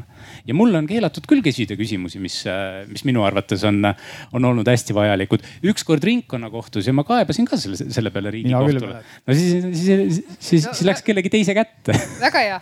Äh, aga lähme siin kriminaalmenetluse juurde siis, et äh, me rääkisime võistlevast protsessist ja, ja, ja Rutt, kui sinul äh, kohtunikuna seal noh, ikkagi sa näed, et, äh, et midagi jääb nagu puudu sellest, et õiglane otsus teha kui palju sa sekkud, kui palju sa. täna meil arvad, oli see üldmenetlus siin niisugune natuke filmilikul kujul, aga tavalises üldmenetluses tõepoolest see asi on ju selles mõttes nii, et ma saan süüdistusakti, kust ma saan teokirjelduse, ma saan vihjed tõenditele, aga ma ei tea tõendite sisu. ja kui prokurör on oma tõendid ära esitanud, kaitsja omad ja minul hakkab pilt enam-vähem juba selgeks saama ja ma mingil hetkel taban, et aga mitte kumbki neist ei ole küsinud äh, väga olulisi küsimusi, kas kvalifikatsiooni aspektist või no, on küllaltki drastilisi näiteid, kus tõepoolest mitte kumbki pool ei küsi. kui sa siis veel istungi käigus oled ise nii palju nagu suutnud kaasa mõelda ja analüüsida, et mida mul on vaja otsuse tegemiseks ja sa suudad, siis sa küsid ise. aga sa lähed teinekord, lähed äh, nõupidamistuppa võtad need tõendid uuesti ette ja siis mõtled, et püha taevas, aga, aga seda pole ju mitte keegi küsinud, mul ei ole vastust sellele küsimusele. mis ma nüüd teen? no meil on see menetluslik noh, põhimõtteliselt on see võimalus, et ma lähen nõupidamistoast tagasi. Lähen uuesti, uuendan menetluse. no see peaks olema viimane võimalus. aga ma olen seda teinud, midagi ei jää üle kuni sinnamaani, et sa lähed tagasi, määrad näiteks ekspertiisi, sest mingi väga oluline küsimus on vastuseta. kas ma peaksin sellepärast äh, tegema õigeksmõistva otsuse näiteks, ma ei ole seda meelt. kui ma midagi veel saan menetluslikult teha, siis ma teen seda. publiku poole vaatan ka, et äh, kui keegi tahab sõna võtta. ja, ja seal on meil oh,, võtke mikrofon palun yeah.. circa kolm nädalat tagasi ma sain Riigikohtu otsuse, millega ma olin tegelenud viisteist aastat esimeses ja teises astmes ja otsus oli, et ei võeta menetlusse. mind huvitab, ma ei hakka seda pikka viiteist aastat siin rääkima. mina olen ainukene, kes võin identselt ja õiglaselt seda vastata kõikidele küsimustele. esimene aste oli sisuliselt formaalne, teine oli ka väga lühikene, ma ja minu vandeadvokaadid ütlesid kaks tükki, et, et no riigikohus lahendab selle identselt. mul on küsimus, kas mulle näidatakse, kuidas riigikohus lahendas seda, kas ta üldse vaatas ja ma tahan tutvuda sellega, on mul õigus selleks? esimene küsimus no,. See... riigikohtu otsust ma ei, ma ei tea, mis menetluses teie, teie asi oli kõigepealt üldse need ja, ja. Menetluses oli asi tsiviil. oli tsiviilis jah ja.? noh, vaadake jah, riigikohus menetleb äh, kuskil kahtekümmet protsenti asjadest need võtab menetlusse kakskümmend protsenti asjadest ja lahendab neid, lahendab seaduse. riigikohtule esitatud kaebustest. jah, kaebustest jah, kuskil nüüd, see on läbi aastate kujunenud selline protsent niimoodi ja kui te nüüd arvate, et, et noh, et, et asju kuidagi vaadatakse pealiskaudselt Riigikohtus, siis te kindlasti. Siis te kindlasti. vaadatud läbi. kuulus sinna alla kahekümne. las me nüüd. noh, siis te eksite niimoodi. sest, sest meil on kehtestatud ikkagi kõikide kaebuste läbivaatamiseks väga kindel kord niimoodi mis tähendab seda, et majas läbib see vähemalt neli inimest, kes vaatavad, koostatakse majasisene arvamus, arutatakse asja ja nii on iga kaebusega, nii et selles mõttes nüüd jah, väljapoole see võib väljenduda ainult määrusena, et seda ei võeta menetlusse, see on puhtalt sellepärast, et me ei jõua kogu selle kaebuste massi juures kõiki kaebusi põhjendada eh, neid määruseid. Ja samamoodi lahendatakse ka kõikides minu teada teistes Euroopa riikides kõrgemas kohtus neid asju, nii et, et noh, midagi teha ei ole nüüd, et noh, kõiki asju me ei saa menetleda. Ja kui on leitud, et need alumise koht, alustame kohtulahendid on õiged, need noh ma, teil jääb muidugi võib jääda alati ju, ju, ju tunne, et, et see ei ole õige, ega ka mina ei oska öelda, eks ole, mis asjast käib jutt ja, ja kas see on õige või mitte, aga aga lõppude lõpuks peab kohus ju looma õigusrahu. ta ütles, et viisteist aastat on kohut käidud, siis kunagi peab see asi ju lõppema need mingi lahendiga need ja keegi, kui seal on alati tsiviilasjas on kaks poolt ja üks reeglina ei ole kunagi rahul need. mis me siis teeme need? kas ma võin teilt aga pal-, vabandust. annaks võib-olla ei, mul on üks ühe, küsimus. ühe küsimuse kaupa. ühe küsimuse. me ei saa kindlasti konkreetseid Kuidas? Äh, kohtulahendeid siin seda küll, kas mul on arutada? õigus tutvuda sellega? mille, millega te tutvuda tahate? selle lahendiga või selle aruteluga, mis Riigikohtus arutas. toimikuga, mis see, see arutelu, mis Riigikohtus käib, on Riigikohtu sisene, seda, seda. ma olen käinud küll Riigikohtus ja seal. jah, aga te saate tutvuda toimikuga, eks ole. toimikuga jah. aga nõupidamise saladus katab ülejäänud asja, see on põhimõttelist laadi küsimus ja seda, sellega te eraldi tutvuda ei saa. Nii et Eesti riik ei ole õigusriik järelikult, kui mina ei saa tutvuda. millega te tahaksite tutvuda? sellega, mis Riigikohus arutas miks ta tegi negatiivse otsuse, et ei võtnud? no te tahaksite saada, saada endale põhjendusi määrusele, aga sellel määrusel ei ole põhjendusi, kui menetlusse võetakse. ei ole põhjendusi põhjendama seaduse järgi neid ei põhjendata ja sellel põhjusel just, et sel juhul me ei jõuaks neid lahendeid üldse mingi, mingi kindla aja jooksul teha. Mis me siis teha saame, meil on valik need, eks ole. kui me iga lahendit peaksime kirjalikult põhjendusi, oleks Riigikohtus vaja vähemalt kaks korda rohkem kohtunikke need. minu jaoks ei ole vastus tegelikult on seaduses täpselt kirjas need tingimused, millal riigikohus võtab asja menetlusse ja millal ta ei võta seda menetlusse. ehk siis äh, järelikult antud juhul riigikohus leidis, et need seaduses äh, kirja pandud alused ehk siis see, et oleksid esimese või teise astme kohtud midagi rikkunud ei esine selles asjas, et seadus väga täpselt need normid sätestab, et millal riigikohus peab asja menetlusse võtma ja millal mitte aitäh, seda formaalsust ma tean, aga see on hoopis teine asi, aitäh. nii, aitäh. seal taga oli veel üks küsimus. jah. põhimõtteliselt analoogne juhtum ainult, et haldusasjas halduskohus tegi ühe otsuse, ringkonnakohus tegi teise otsuse ja riigikohtust põrgatas tagasi selline kooslus nagu loakogu, kus oli üks allkiri ja ühtegi kohtuniku allkirja ei olnud. see tähendab seda, et meil ei ole ikkagi kolmeastmelist kohtusüsteemi, millest siin niiviisi avalikult ei kuulutataks. meil on kolmeastmeline kohtusüsteem ja inimestel on õigus viibida oma kohtuotsuste otsustamise arutamise juures. seda paraku ei ole nii et see loakogu tundub, et on kõvem tegija seal äh, Riigikohtus kui Riigikohtu kohtunikud. ja kui te räägite, et mingisugune protsent vaadatakse läbi, siis kus on võrdse kohtlemise printsiibi põhimõte? ega see protsent vaadake ju kujuneb, eks ole. see on niimoodi, et meil on ette antud, et, et see niimoodi siis. kes annab ette?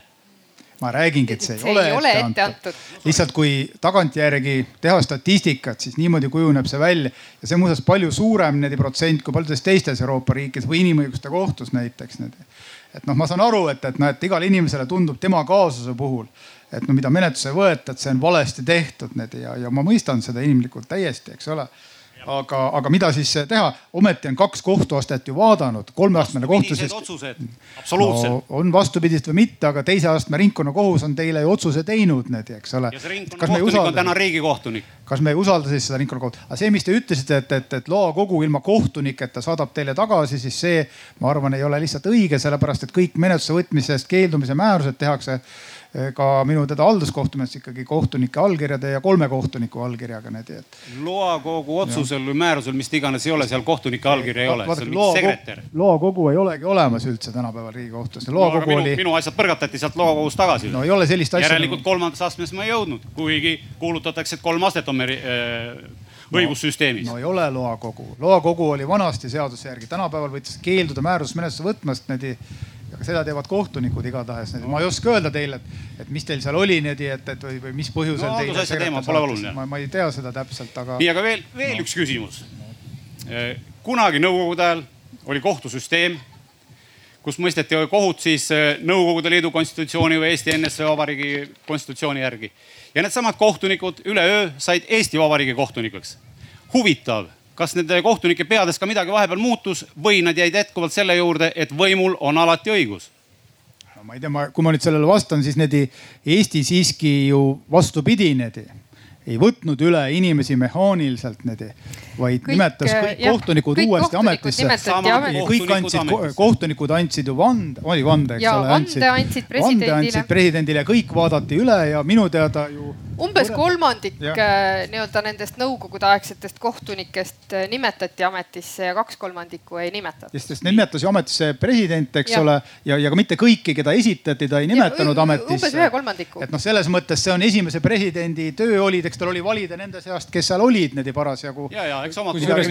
Need olid ju täiesti brutaalsed arutelud äh, Riigikohtu või Riigikogus, kui yeah., kui olid riigikohtunike arut-, ametisse nimetamised Need olid, need olid ikka noh, need olid brutaalsed ristküsitlused seal ja, ja, ja, ja mitte riigikohtunike puhul, aga see oli samamoodi ka esimese ja teise astme kohtunike, noh, teise astme kohut, kohtud üldse loodi, eks ole, aga, aga ka esimese astme kohtunike puhul äh, nad kõik nimetati eraldi ametisse, nad pidid kõik eraldi kandideerima ja äh,, ja noh, väga paljud nendest tõesti äh, noh, ei läbinud seda seda võimalust. ja, ja mis ma veel tahan öelda, on see, et ega tänaseks on aeg teinud selles mõttes oma töö, et ega kohtunike põlvkond on paljuski ju juba uuenenud, et need esimesena ametisse nimetatud kohtunikest on minu teada tänaseks ikkagi juba enamus läinud pensionile et, et, et jäänud on veel ikkagi suhteliselt väiksem osa, mis tähendab seda, et lähima mingi viie kuni kümne aasta jooksul tõenäoliselt ei jää mitte ühtegi ka sellest esimesest korpusest enam ametisse.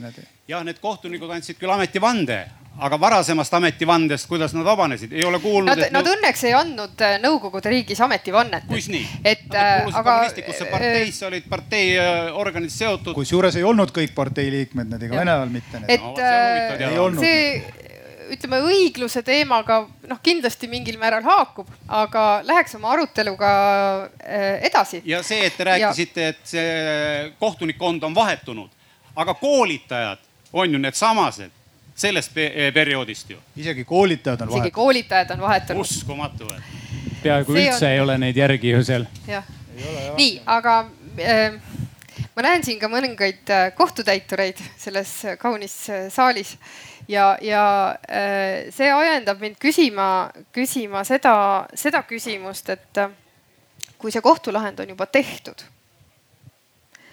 Äh, ja, ja kui see kohtulahend võib-olla ei ole sinu enda poolt tehtud, noh kohtunikuna või ei ole sinu enda menetluses tehtud või siis jälle on sinu enda menetluses tehtud. et äh, kas, kas siis ka kripeldab mõnikord? Äh, see, see, see õigluse äh, küsimus.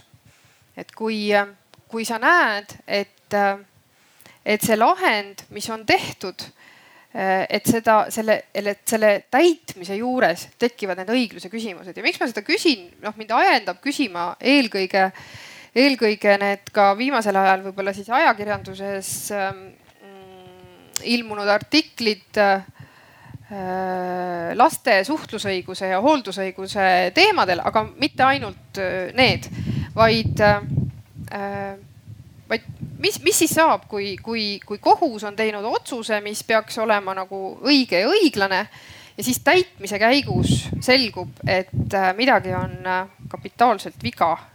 et see õiglus ega ka õigus ei saa võidutseda.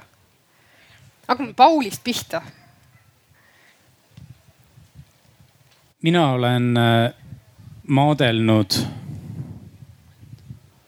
praeguseks hetkeks umbes neli aastat ühe täitemenetlusega, kus minu klient on sissenõudja ja nõuab umbes äh, miljonit eurot. Äh, ja see on, see on muidugi hüpoteegi sundtäitmine, nii et ta on natukene teistsugune asi.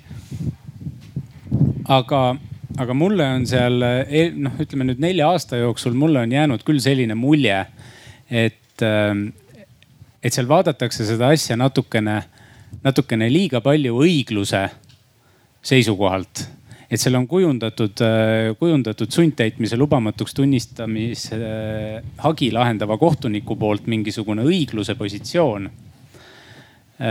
Mis minu arvates on täiesti lubamatu. see on see on täiesti lubamatu ja siis seda õiglust realiseeritakse natukene seaduseväliste, äh, väliste viisidega. venitamine, äh, takistamine ja, ja nii edasi ja nii edasi ja nii, ja nii edasi. noh. jah, Sigrid no kriminaalmenetluses täitemenetluse puhul kui me kohtutäituritega kokku puutume, siis need on suure tõenäosusega mingisugused varalised nõuded. aga võib ka juhtuda nii, et isikule on mõistetud karistus ja äh, mitte kõiki Eesti Vabariigis ei viida kohtusaalist käeraudadega vanglasse. ja mõni on putkanud näiteks Inglismaale. ja, või siis juhtub, et äh, see inimene, kellele on määratud kohtu poolt äh, vanglakaristus ja mitte väga väike, haigestub ja teda ei saa seal vangla tingimustes pidada. Äh, aga tegelikult kõik need asjad äh, prokuröri vaatevinklist on ju sellised, et, et nendega tegeleb täitmise kui sellisega tegeleb edasi kohus ja kui ma ausalt ütlen, siis kõikidele oma kriminaalmenetlustele niimoodi väga emotsionaalselt kaasa elada ja iga nädal käia vaatamas, et mis nüüd on saanud, kas see kaks tuhat eurot, mis ma talt välja mõistsin, on riigi tuludesse tulnud või mitte. lihtsalt füüsiliselt ei ole seda aega. see tähendab seda, et uued asjad tulevad peale ja uued mured on sellised, mis lihtsalt viivad vanad peast. ehk siis täitemenetlus kui selline on see, millega prokurör väga kokku ei puutu küll jah, mõnel määral me puutume kokku nende karistuste täitmisega. et, äh, et siin võib-olla on äh, hoopis teine väga huvitav paralleel, äh, mitte täitemenetluse mõttes, aga, aga karistusest enne tähtaega tingimisi vaba, vabanemise probleem. et kui me räägime prokurörist, kes on pikka aega Äh, mingi väga keerulise kaasusega võidelnud kohtus kolm astet. ja siis äh, tuleb see koht, kus äh, peab otsustama, et kas see inimene peaks siis saama enne tähtaega vanglast välja või mitte, siis küsitakse veel ka prokuröri arvamust. ja, ja võib-olla see on see koht, kus, kus see õigus ja õiglus on selline koht, mida, mida tuleb nagu uuesti vaadata, et mina siiralt usun, et et inimesed, kes äh, vangi lähevad, õpivad oma vigadest, kuigi see võib olla väga ideeline mõte, aga, aga see peaks tegelikult nii olema ja kui ta on ennast näidanud seal täiesti sellise inimesena, kes väärib seda võimalust, et vabaneda mingisuguste tingimustega vanglast, siis äh, see on see koht, kus äh, prokurör peab nüüd hindama, et kui ohtlik see inimene on ja kui õiglane see on et kas lasta ta lahti või mitte, aga lõpliku otsuse teeb siin ikkagi kohus, et meie anname siin ainult arvamuse. nii, Rutt.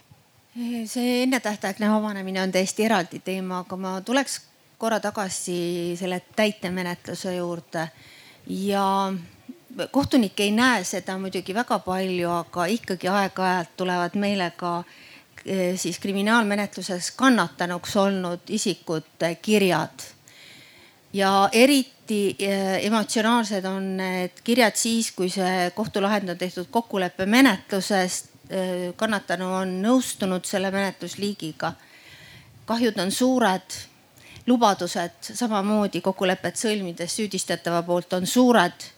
tulemus on see, et eh, kannatanud aastaid ja aastaid ei näe mitte ühtegi senti.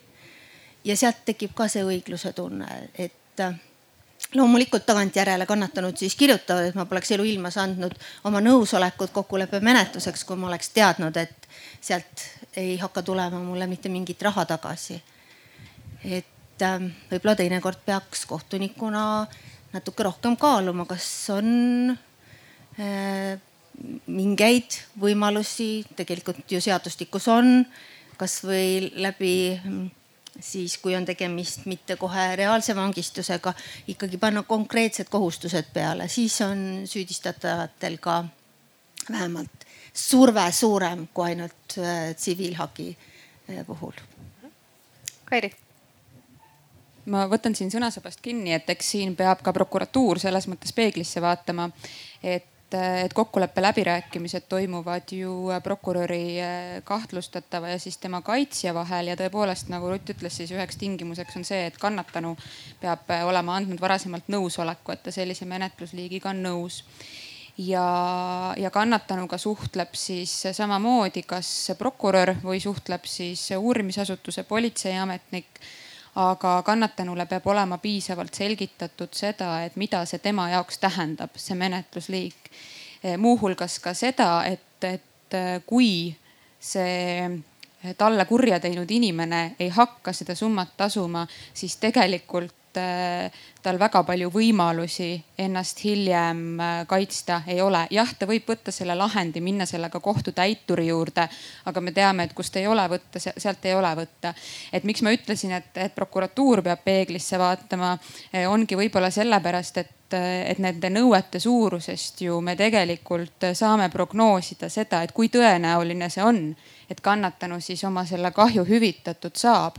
et et, et kui see kahtlustatav, tal ei olegi mingisugust sissetulekut, mingisugust vara, siis see ei ole väga tõenäoline, et kannatanu sealt hiljem oma vara tagasi saab. ja, ja jah, see ei olene küll menetlusliigist, aga seda tuleb siis kannatanule ausalt ja avameelselt ka öelda et, et nii see on ja nii on see nii kokkuleppemenetluses kui ka tõenäoliselt teistes menetlusliikides. et, et selles mõttes seal jah, kindlasti see õigluse aspekt rolli mängima hakkab ja Villu? no muidugi satub ka ette kohtulahendid, mis tundub tagantjärgi, et need ei ole õiged, need, nad on jõus ja nad on kohtulahendid seaduse järgi Eesti nimel, Eesti Vabariigi nimel tehtud, nad on jõustunud need. et, et noh, nendel on oma õigusjõud ja neist tuleb lähtuda. nüüd see, mis sa alustasid siin või rääkisid sellest lastega suhtlemisest, siis seal on natukene teistmoodi ju kusjuures. meil on terve rida, ütleme sellist valdkondi nagu samad juurdepääsuteed, lastega suhtlemised, need üldse laste jagamised, kus kohtulahendid saab ka muuta, kui asjaolud muutuvad. Need, see, see on nagu oluline erisus neid võrreldes siin nagu võlaasjadega, mis on nagu visad välja ja siis sinna nad ka jäävad. samas need noh, täitemenetluses täita just nimelt needsamad, needsamad lastega seotud lahendid on ju, on ju eriti sensitiivsed ja, ja need on halb täita ja raske täita, kui puudub vanemate vahel noh, selline positiivne koostöö lahende täitmise osas ja tihtipeale see puudub need. et, et see on olnud aastate vältel ju, ju teemaks siin ka, et noh, mis siis teha, et noh, et, et kuidas me sunnime, no mis see tüüpiline on, et ema, et no ta ei näita seda last isale, eks ole. et noh, kuidas me sunnime näiteks seda täitma ja, ja kas on õiglane, tema ütleb noh, et, et laps ei taha, eks ole, täita seda kohtulannet, siis tehakse emale trahvi või noh, sunniraha määratakse, see raha läheb ju tegelikult lapse võib-olla ülalpidamise arvelt. siis võetakse, ma ei tea, paneme ema kinni, võta, vahetame, lõpuks võtame isa. Need asjad ei olegi nagu lahendatud minu meelest objektiivselt hästi need. et, et siin see lahend ise, et noh, sellest ongi võib-olla vähe, küsimus ongi, kuidas seda täita hiljem. et seal see õigluse aspekt tuleb uuesti mängu ja võimalik, et seda lahendit tulebki hakata ümber vaatama et see ei, ei, ei kajasta seda nii nagu ta olnud on, aga see, mis siin juttu oli, et näiteks nagu suured võlad, need võlanõuded on, noh, meil on ka tihtipeale olnud kahjuhüvitusnõuetega, et et noh, et, et nagu tundub nagu kannatanu või, või ka hageja on väga pettunud, eks ole, et ta saab kohtust nagu suure võidu, talle mõistetakse tohutu raha välja või ehitajalt kasvõi sealt näiteks. aga siis selgub, et see on pankrotis, midagi võtta ikkagi ei ole, eks ole, ta on läbi pidanud suure kohtuvaidluse läbi käinud neid ja see on nagu pettumus võib-olla selles kohtus ja kohtusüsteemis üldse, et noh, et, et kuule, et ma olen nii palju raha kulutanud, aga ma tagasi ikka midagi ei saa, eks ole, et, et noh, see täna on see pandud ikkagi noh, inimesele endale, seesama täitesüsteemile noh, nii palju, kui me üles leiame, see ei ole midagi unikaalset, samad probleemid ja pankrotimenetlus on ju igal pool ka maailmas olemas, nii et. et noh, selles mõttes kohtumenetlust alustades sa pead läbi mõtlema ka sellele noh, et, et kas sul on selle võiduga midagi teha pärast.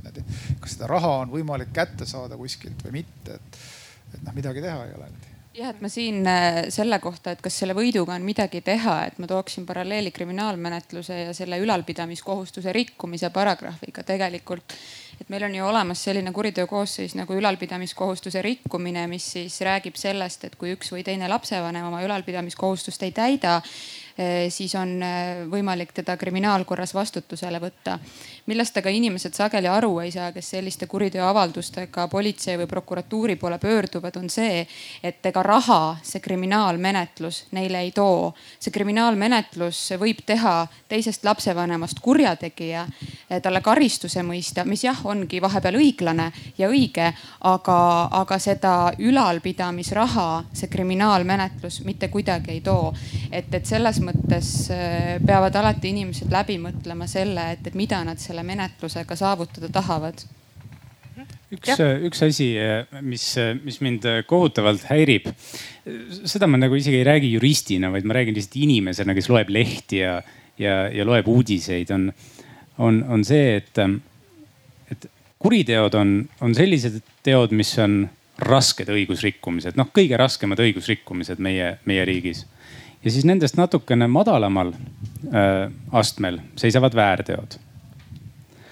Aga, aga väga tihti on niimoodi, et kuriteo toimepanija ei saa mitte mingit reaalset karistust peale selle, et talle öeldakse, et sa enam ei tohi kuritegusid toime panna, mis on siis sisuliselt tingimisi vangistus. kui sa veel kord teed, siis me paneme su vangi.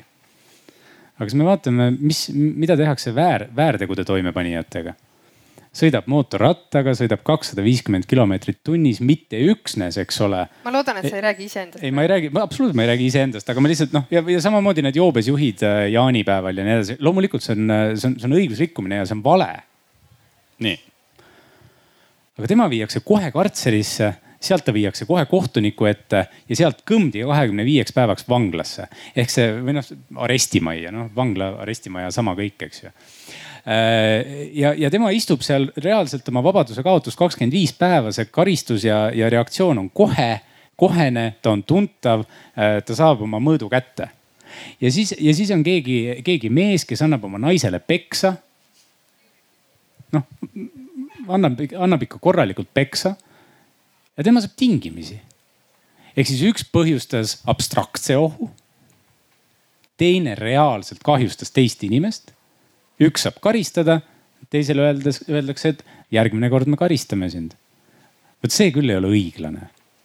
see on, see on minu meelest täiesti absurdne. ma arvan, et sa pead järgmisse paneeli ka jääma, siin siis läheb enam-vähem. kusjuures ma tahaksin kommenteerida, et ma ei mäleta aastate taha ühtegi lahendit, kus ma oleks kohe pannud kahekümne viieks päevaks kellegi nii-öelda aresti. päris ausalt, ma ei tea, äkki Eesti ühel pool otsas on praktika pisut teistsugune kui teisel pool otsas. ei, ma, ma mõtlen, ma näen, ma lihtsalt loen uudiseid, eks ole Uud,. see oli see viimane, tõenäoliselt see viimane, ma ei tea, Postimehes. Aga... kiirus oli kakssada viiskümmend aga hakkaks tõmbama kokku väga. seda, äh, seda äh, vestlust ja kui ma enne alguses rääkisin sellest kaheksakümne protsendilisest äh, usalduse määrast siis äh, võib-olla minu selline äh, viimane küsimus olekski siis äh, teile see, et mida saaks teha, et see kaheksakümmend veel kõrgem oleks, see protsent, kohtusüsteemi usaldusväärsus või et noh, teist küll pidi siis küsides, et, et mis, mida teha, et, et ta kindlasti ei langeks, eks ole, et ta, see usaldusväärsus säiliks samal tasemel. hakkame hakkame prokuröridest pihta, Kairi ma mõtlengi, et kas tingimata on vaja, et see protsent nii väga tõuseks, et meil on ikkagi õigusriik ja arvamusvabadus ja, ja inimestel ongi tegelikult ju õigus ka, ka õiguskaitseorganeid kritiseerida ja nende suhtes, nende suhtes kriitiline olla. aga, aga ma arvan, et üks võtmesõna on siin selgitamine. et et nii prokurörid, kohtunikud peavad oma otsustusi selgitama, kas siis paberil, suuliselt, mingisugusel muul viisil. et mina leian küll, et, et kohtuotsused selles mõttes lähevad üha selgemaks, et kohtuotsus on ju eelkõige kirjutatud inimestele lugemiseks. Ja, ja ma mõtlen siin just nimelt inimestele, mitte ainult kõrgkvalifikatsiooniga juristidele ehk siis inimene, keda see otsus puudutab, kelle saatust see tegelikult mõjutab, peab aru saama, mis seal otsuses kirjas on. jah, see tekst peab olema ka õiguslikult pädev aga, aga kui see on täis ainult ladinakeelseid termineid ja juriidikat, siis see inimene, kes selle otsuse alusel võib-olla aastateks peab trellide taha minema, ei saa mitte midagi aru. ja see kindlasti usaldusväärsust ei kohtusüsteemi ega õigussüsteemi vastu üldises plaanis ei tõsta et see selgitamine lihtsas arusaadavas keeles ja põhjendamine on, ma arvan, üks, üks olulisemaid asju ka, ka usaldusväärsuse hoidmisel ja tõstmisel. aitäh, Sigrid. ma olen äh, Kairiga täitsa nõus, et äh, tegelikult äh, kui me kriminaalmenetlusest räägime, siis menetlustaktika ja, ja kõik see, et ei luba meil tulla avalikkuse ette kohe, nii kui me selle kriminaalmenetluse oleme alustanud. aga see, et me selgitame isikutele, miks on mingi karistus täpselt selline, nagu ta on või miks mingi kriminaalasi lõpetatakse või miks mingi inimene saab äh, avaliku menetluse või puudumise tõttu oma kriminaalasja lõpetatud, et äh, see on see oluline koht. ja tegelikult ma arvan, et äh, mulle ei meeldiks elada riigis kus, kus sada protsenti inimesi ütleb, et me usume, et kõik, mida kohus teeb, ongi hea ja õiglane. et siia õiguse sisse on arvestatud see, et juristid peavadki omavahel vaidlema, sest et vaidluses selgub tõde. see on see kaalutlusruum ja see on see koht, kus kohus siis peab ütlema, et äh, kui me, kui me kõik ühel meelel oleksime, siis ma arvan, et oleks midagi väga valesti et sellepärast ma ka eelnevalt ütlesin, et äh, ma leian, et õiguses ei saagi kõike ära reglementeerida, sest et siin kõrval on päris elu päris inimesed, päris faktid. ja see, et me ei suuda seda päris tõde mitte kunagi välja tuua, meil ongi see, mis meil kohtumenetluses selgub ja selle pinnalt tuleb teha otsus, mis tundub õige ja õiglane. et äh, alati on kritiseerijaid ja ma arvan, et see ongi selle õigusriigi tugevus, et me lubame seda inimestel teha et me lubame neile öelda, et minule see otsus ei meeldi ja mina arvan, et see ei ole õiglane. ja, ja see ongi see, mis muudab kogu selle protsessi tugevaks. Paul. Äh, mul on kolm asja, mis, mis muudab äh, kohtupidamise inimeste jaoks äh, usaldusväärsemaks esimene asi, mis puudutab ainult kriminaalmenetlust, on see, et tähendab, prokuratuur peab oma majja tagasi kolima Äh, see on, äh, ma ei saa, ma ei saa aru, kuidas see üleüldse on mingil määral aktsepteeritav, et prokuratuur ja kohus asuvad ühes ja samas majas. tähendab, kui nüüd inimene läheb, äh, läheb kohtusse, tema suhtes on algatatud kriminaalasi Äh, ja siis sa ütled talle, et, et jah, et me lähme sinna sellesse prokuratuuri ja kohtumajja, noh siis see, see tähendab, see, see, see, see jätab, on see nüüd tõene või mitte, ta enamasti muidugi ei ole tõene, aga, aga, aga ta jätab inimestele sellise ettekujutuse, et noh, kärbes. Äh, et, et noh, need, need seal kahekesi mõistavad minu üle kohut. see on väga vale, seal peab olema täielik lahutatus. ehk siis see on esimene asi, prokuratuurile oma maja teine asi on äh, see, et äh, üldiselt mina pean tunnustama meie kohtunikkonda, nad on väga meeldivad ja professionaalsed inimesed. ja tasakaalukad ja, ja mõnusad inimesed, et noh, mul on, minul on professionaalse esindajana Eestis üldiselt mõnus kohtus käia. aga on mõningaid erandeid. ja, ja, ja need mõningad erandid on need, kes teevad menetluse ebameeldivaks Äh, nad tekitavad ebameeldivaid pingeid saalis, nad äh, ei oska menetlust juhtida rahulikult ja, ja tasakaalukalt, seal tekib, seal, seal, seal tekib sihukest tarbetut pinget et seda ei tohi, seda ei tohiks olla. ja, ja need kohtunikud, kellel selliseid probleeme on, nad peaksid endaga tegelema, sest see jätab Eesti riigi autoriteedile väga musta märgi menetlusosalise jaoks. mitte menetlusosalise esindaja jaoks, esindaja teab, kuidas asjad käivad, aga menetlusosalise jaoks. ja tema arvamus on ju see vist, mis meid, mis meid kõige rohkem huvitab. ja kolmas, ja kolmas on äh, see, et äh, professionaalsed esindajad, kelle, kelle hulka ka mina kuulan, äh, peaksid hoiduma sellistest tarbetute vandenõuteooriate levitamisest kohtute suhtes. noh, näiteks noh, näiteks midagi, näiteks midagi sellist, et noh, kui sa oma kaebuse riigikohtusse saadad, siis niikuinii noh, keegi mingi madal sekretär seal otsustab, et, et, et kas, kas võetakse menetlusse või mitte, kedagi ei huvita see asi. Või siis, et, või siis, et vot see kohtunik töötas kunagi koos ühe või teise advokaadiga, et vot kui sul see advokaat on vastaspool selle kohtuniku juures, siis sa võid kindel olla, et see asi läheb sul untsu sest noh, need ongi enamasti lihtsalt vandenõuteooriad, see on tegelikult rumal jutt. aga inimesed usuvad oma advokaati. ja me peaksime professionaalsete esindajatena hoiduma sellise nonsensi rääkimisest. see, ma arvan, aitaks ka kaasa. aitäh, Brit kui kohtuniku aspektist võtta, siis äh, ma kujutan ette, et usaldusväärsust äh, kindlasti aitab vähemalt samal tasemel hoida kui inimene, kes kas kohtusse tuuakse või tuleb ise. Äh, tunneb, et ta on ära kuulatud, et temasse suhtutakse igatpidi mõistvalt ja viisakalt, aga loomulikult kõigi nende eh, kriminaalmenetluse või väärteomenetluse reeglite kohaselt, et ta ei tunne ennast solvatuna. Ja kui ta saab selle kohtulahendi, siis ma olen nõus sellega, et ta peab sellest aru saama. see kohtulahend peaks olema kirjutatud nii, et eh, iga inimene, olgu ta siis kõrgkvalifikatsiooniga Eh, jurist või täiesti õigusteadmisteta inimene sellest aru saaks. ja Villu?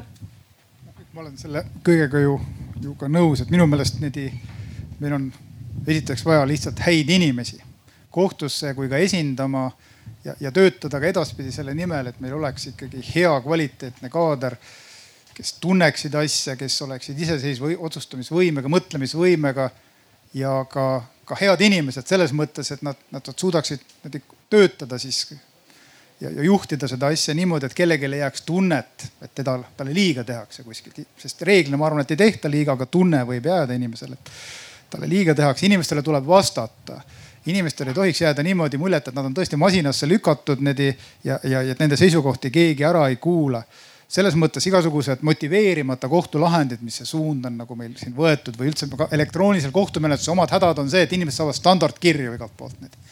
Nad saavad kirja, nad võivad solvuda selle peale isegi, mis asja mulle loetakse üles kaks lehekülge mingeid noh kohutavaid niisuguseid asju selleks, mida ma ei ole teinud või mis mind ei puuduta. aga kuna masinast on odavam saata kõigile see üks kiri, eks ole, siis noh, vot siuksed asjad võivad teistpidi lüüa, eks ole, tagasi inimene peab saama aru, mida ta kohtust tahab ja talle peab noh, talle peab suutma ka, ka noh mõistlikult kirjutada kohtulahendis, et ta saaks aru, mis teda seal ootab. Ja, ja minu meelest on siiski oluline roll ka meedial, kuidas kajastada seda kohtutööd. minu meelest on ikkagi ebaprofessionaalne kajastus paljudel juhtudel, eriti kriminaalasjades. tänapäeval maksab pealkiri, eks ole, ainult need ja kohtu usalduse pihta käib see, kui pannakse ikkagi asjale niimoodi plaks ja üks nii-öelda link külge niimoodi, eks ole. milles kõik vaatavad, et ahetavad, et vaadake, kui kohutav asi on seal juhtunud. noh, teadmata seda tagamaid või, või kuidas see on võetud.